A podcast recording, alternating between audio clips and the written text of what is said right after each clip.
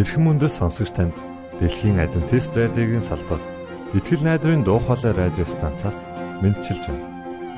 Сонсогч танд хүргэх маань нэвтрүүлэг өдөр бүр Улаанбаатарын цагаар 19 цаг 30 минутаас 20 цагийн хооронд 17730 кГц үйлдэлээр 16 метрийн долгионоор цацагдж байна.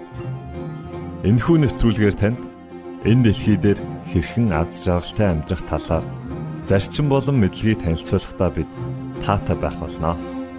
Таныг амарч байх үед аль эсвэл ажиллаа хийж байх зур би тантай хамт байх болноо.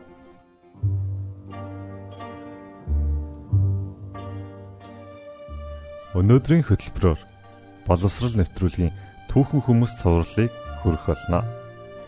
Үргэлжлүүлээд Бурхан минь намайг өөрчлөөч хэмээх магтан дууг танд хүргэж байна.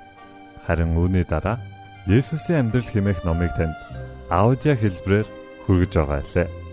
Ингээ та нэвтрүүлгүүдэд хүлээн авна.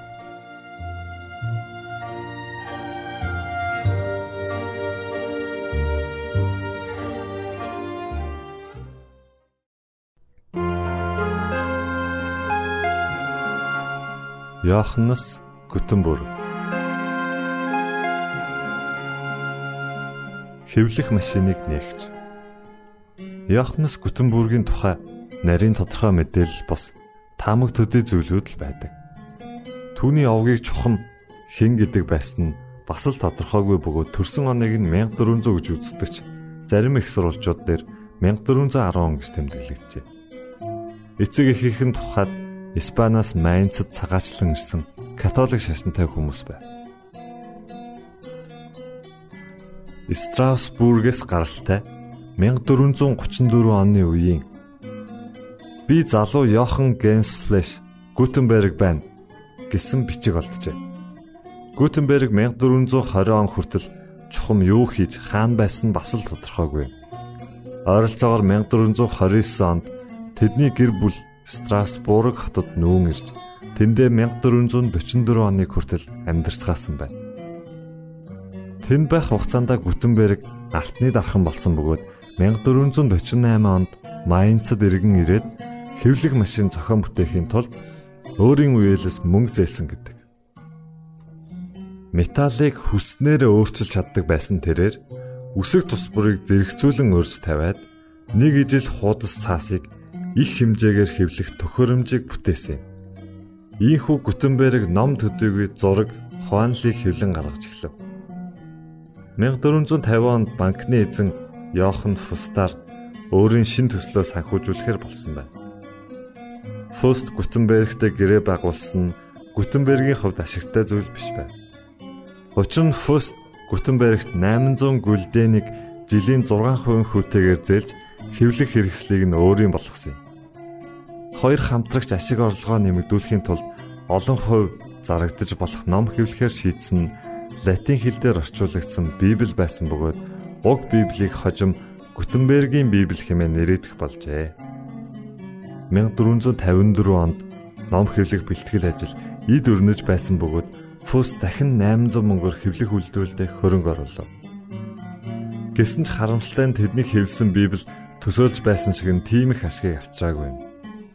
Иймээс Фуст гэрээ ёсоор хэвлэх хэрэгслийг авч цаашид өөрийн нэрээр ном хэвлэх болжээ. Зорьсон ажил нь бүтлгүүтэж хөрөнгө мөнгөгүй болсон ч Гутенберг Германы хаан 2 дугаар Адольф фон Насаугийн ивэл багтаж 1468 оны хүртэл буюу насан эцэслээ түүний ордонд амьдарсан юм.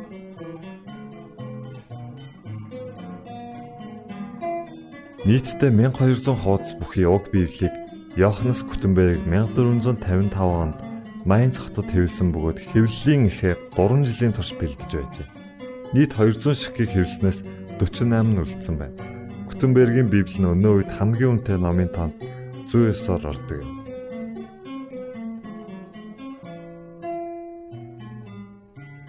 Йоханнес Гутенбергийн түүхэн гавь. Түүний нээлтийг сэргэн мандалтын үеийн хамгийн чухал нээлт гэж үздэг байсан бөгөөд түүнээс өмнө гар бичмлэр болон модон барын аргаар ном хийдэг байв. Гэсэн ч энэ хоёр аргаар ном хэвлэх нь цаг хугацаа их шаардахаас гадна өртөг өндөртэй байсан юм. Тиймдээс Гутенбергийн ачаар ном хэвлэнэ гэдэг асуудал биш болж улмаар олон нийтэд илүү хүртээмжтэй болж нийтээр бичиг үсэг сурахад тус төхөн болсон билээ. Ийхүү 15 дугаар зууны сүүлийн хагас гэхэд Европын олон оронд нийтдээ 250 гаруй хэвлэх үйлдвэр бий болсон байна. Сонсогч танд боловсрал нэвтрүүлгээс бэлтгэн хүргэдэг түүхэн хүмүүс цувралын шин дугаарыг хүргэлээ. Дараагийн дугаараар уулзлаа. Түр баярлалаа.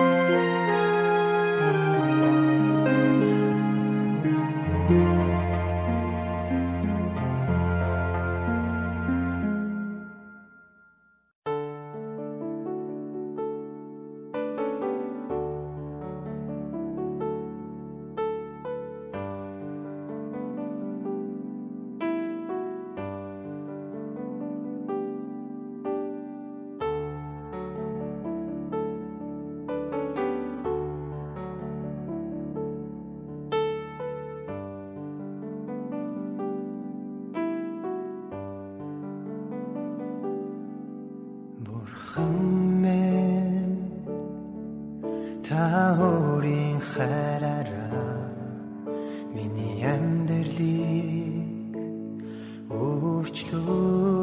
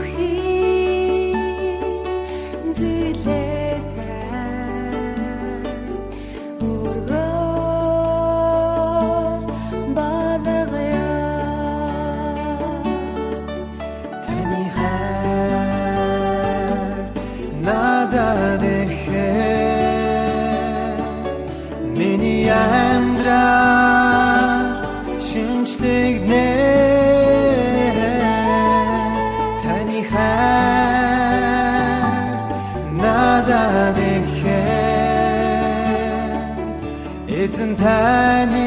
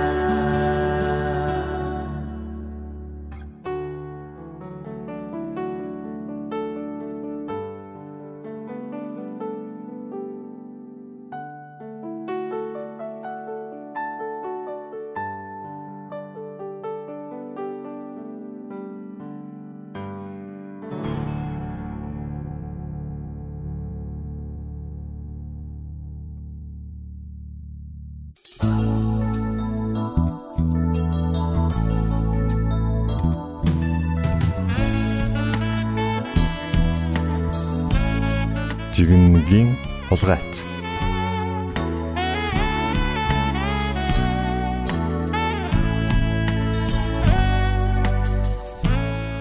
Онгоцны буудлын дээр нэг эмэгтэй өөрийн хуваарт хөлгийг хүлээн сууж байлаа.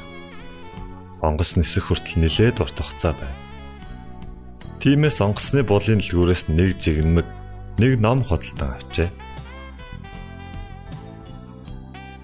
Ингээд өөртөө нэг суудал олж авч суугаад номоо шимтэн уншихын зэрэгцээ хаяа нэг гараа сунган жигнэгээ нэг нэгээр нь авч идэж байлаа. Хэдийгээр хамаг анхаалаа номдоо төвлөрүүлсэн байсан ч хажууд нь ирж суусан нэг залуу өөрийнх нь жигнэмнээс хээв нэг аван идээд байгааг анзаарахгүй байхаар байсангүй. Залуу хээв нэг идээд байхаар нь бүр дургүй хурж эхлэв. Хэрвээ би боловсон хүн биш байсан бол энэ залууг нэг сайн дэлсээд авахгүй юу гэж бодож байлаа. Эмэгтэй жигмэг рүү гараа явуулах тоолонд залууч гисэн ичгчгүй гараа сунгаж байлаа. Тэр хоёр инхүү уралдаж ицээр байгаад ганц жигмэг өлтөв. Бүсгүй. Одоо энэ яах вэ гэж бодож чамжаагүй байтал нөгөө айхтар залуу гараа сунгаад үлдсэн ганц жигмэгийг аван дундуур нь хоёр хуваагаад талыг нь эмхтээд өгөв. Залуугийн энэ байдал хүүхний уур маш их хүрсэн ч арай хэж бие барьлаа. Яг энэ үед эмэгтэй явах чиглэлийн онгоц зорчигчдоо дуудан зарлаж эхлэв. Эмэгтэй залуугаас салахын төс болон баярлаж хурдхан босон цүнх намаа аван босчээ. Жигмэгийн хулгайч руу ч эргэж харсангүй. Ингээд онгоцондоо ороод сандал дээрээ тухлан суугаад цүнх рүүгээ гараа явуулснаа дуу алдав. Учир нь онгоцны буудлын дээрээс авсан жигмэг нь цүнхэнд нь байж байлаа. Энд чинь одоо юу вэ?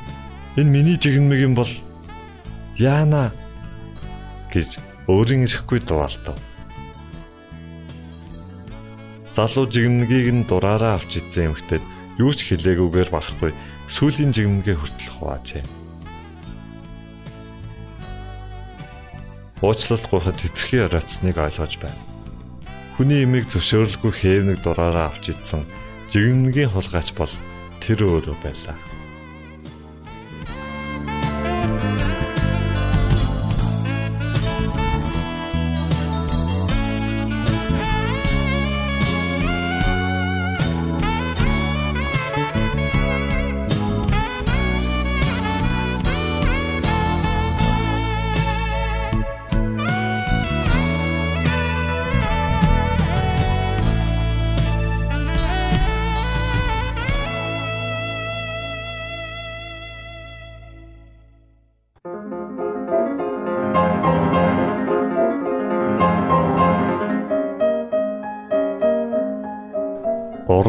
Зохиолын цаг.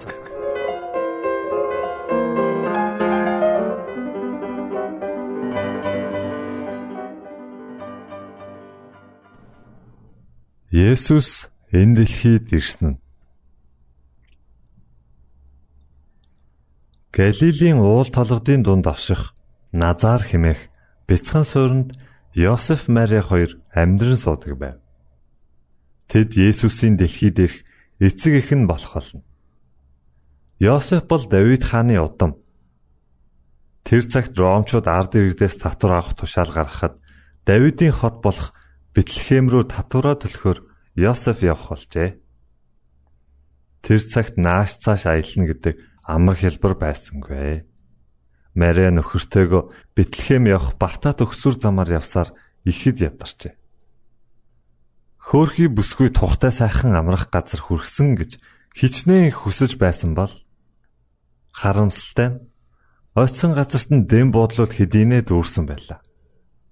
Баян эрх мэдэлтэй нэгэнд тогтой сайхан газар олдож байхад хөөхий энхүү даруухан аялагчд малын сарвч нь хоноглохоос өөр аргагүй боллоо. Тэрхүү малын сарвчанд бидний аврагч Есүс мэдлээ. Ээж Мариан хүүгээ малын твсэнд хэвтүүлв.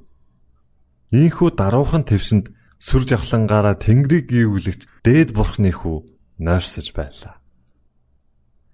Есүс дэлхийд ирэхээс өмнө тэнгэрлэгч нарын удирдахч байсан. юутай ч зүйрлэшгүй агуу гэрэл гэгээ цацруулсан тэнгэр элч нар Есүсийн алдар суг магтан тунхаглаж байлаа. Хаан Есүсийг сентиндээ сох үед тэнгэр элч нар бүгд нүрээ халахлан мэхийн осолдог байжээ. Тэд түүний хүндэтгэн титмээ хөлдөн тавиад түүний агуу хүч чадлыг багтан магтан дуулдаг байлаа. Есүс хаан суудал заларч хаан титэм зөөж хааны нөмрөг нөмрөн эцгийнхээ дэргэд үлдэж болох л байсан. Гэвч бидний төлөө Тэнгэрийн хаанчлалын бүхий л их мэдлээ дэлхийн ядуу аж амьдралаар солих сонголт хийсэн байна. Есүс өөрийг нь хайрладаг Тэнгэрлэгч нар болон хаан суудлаа орхих замыг сонгосон билээ. Тэрээр биднийг хайрлсан учраас хүнд бэрх амьдрал ичгэвтер үхлийг хүлээн зөвшөөрчээ. Бурхан бидэнд ямар их хайртаг Христийн энэ бүх шийдвэр харуулсан юм. Тэрээр энэ дэлхийд Бурханы хүсэл дуулууртай байснаар Бурханд хүндэтгэл үзүүлж болохыг амьдралаараа харуулсан. Бид түүний үлгэр дуурайллыг дагахснаар эцэст нь түүнтэй хамт Тэнгэрийн гэр оронд үрд амьдрах боломжтой болох юм. Тэрээр энэ бүхний төлөө ирсэн. Бурхны ард түмэн дундаас олон тахилч захирагчд Есүсийг амьдралдаа өрн оруулахад бэлэн биш байлаа. Хэдийгээр тэд аврагч удахгүй ирнэ хэмээн хүлээж байсан боловч түүнийг агуу хаан болж ирээд амьдралыг нь баян тансаг болгоно гэж мөрөөдөж байв. Тимээс шашны удирдагчид аврагч Месаяг бяцхан хүүхэд мэтэр төсөөлж чадахгүй байлаа.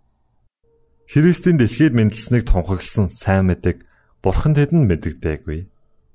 Харин хончтод эхлээд энэ мэдээг сонсгосон юм.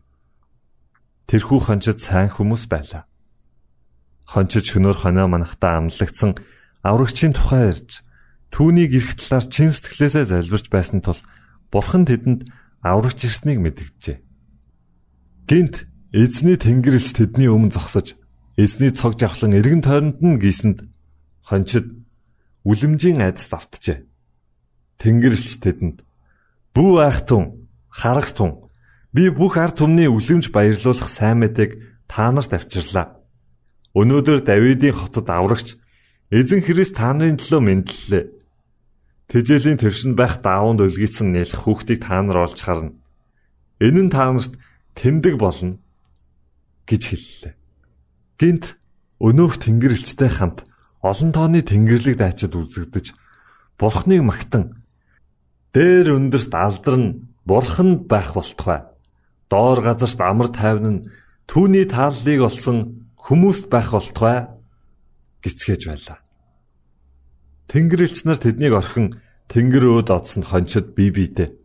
Одоо шууд Бэтлехэм рүү очие. Эзний бидэнд мэдүүлсэн зүйл бүтснийг үздцгээе гисгэж байлаа. Тэд яаран ирж Мария, Йосеф болон тэжээлийн твшин дотор хэвтэж буй хүүг олж очив. Тэд үүнийг хараад мөнөх хүүхдийн тухай сонссон үгээ мэдүүллээ.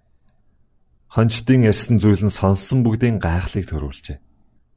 Харин энэ үгийг Мария зүрхэндээ тунгаан бодож энэ бүхнийг нандинан хадгалсан юм. Йосеф Мария хоёр еврей үндэстэн тул ёс заншлаа дагах учиртай байлаа. Тэд Есүсийг 6-7 хоногтой болоход нь Иерусалимийн сүмд Бурхан даатгахаар авчирлаа. Энэ нь Бурханаас Израильчуудад өгсөн тушаалын дагуу үлддэг ёслол байв. Есүс хүүхэд байхасаа л аливаад хүндэтгэлтэй дуулууртай ханддаг байсан. Бурхны хүү Тэнгэрийн хаан хүү бидэнд дуулууртай байдлын үлгэр дуурайлыг заан сургаж байв. Аливаа гэр бүлээс зөвхөн ууган хүүгэл сүм даатгадаг байжээ. Энэхүү ёслол нь олон жилийн тэртет болсон үйл явдлыг сануулдаг гэж. Израилийн хүүхдүүд Египтэд боочлогдож байх үед эзэн бурхан Израильчуудыг чөлөөлүүлэхээр Мосег илгээсэн. Эзэн бурхан Мосед хэлэхдээ Тэгэхэд чи фараонд эзэн ингэж айлдаж байна. Израиль бол миний хүү. Миний ууган хөвгүү. Тимээс би чамд миний хүүг явуул. Тэр надад үйлчлэг гэсэн боловч чи түүнийг явуулахаас татгалцсан. Үзэгтэн би чиний хүүг ууган хөвгүүнийг чинь ална хэмээн хэл гэжээ. Энэ үгийг Мосе хаанд дамжуулсан. Харин фараон Эзэнгэгч хэн болоод Израилийг явуул гэсэн юм бэ? Түүний үгийг би яагаад авах ёстой юм бэ? Би эзнийг мэдэхгүй. Израилийг ч явуулахгүй гэж хэлв. Ингээд эзэн бурхан Египтчүүдийн дээр аимшигт гамшиг илгээв.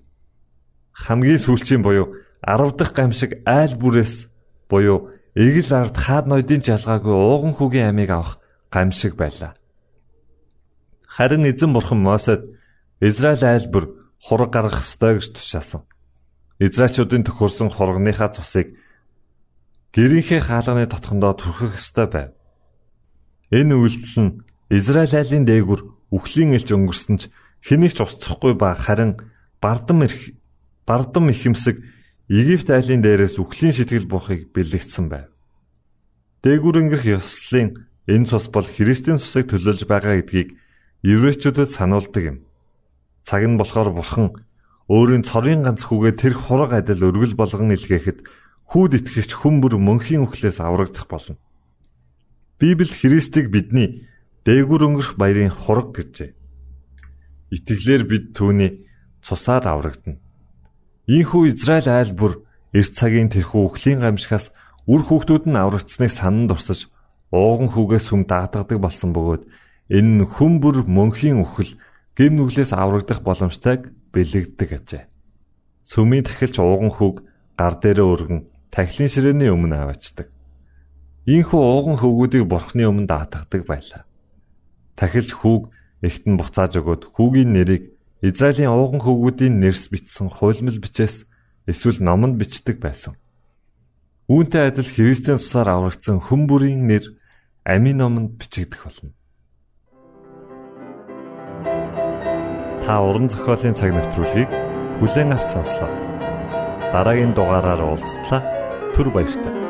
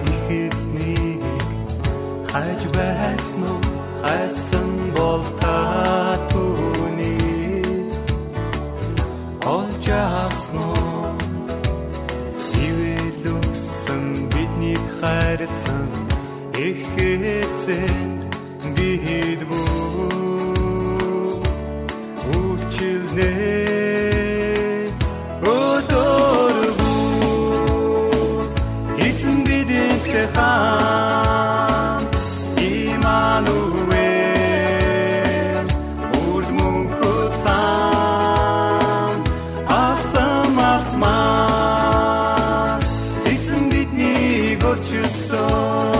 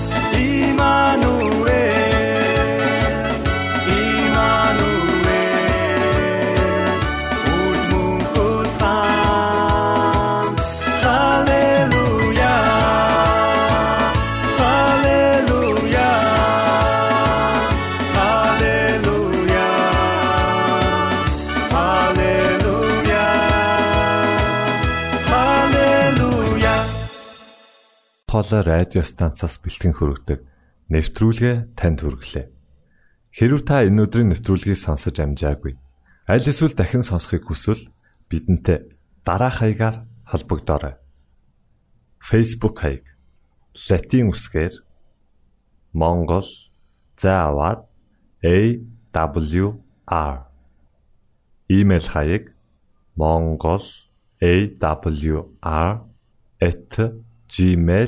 mongol@gmail.com Манай утасны дугаар 976 7018 24 9 Шуудангийн хаяцаг 16 Улаанбаатар 13 Монгол улс.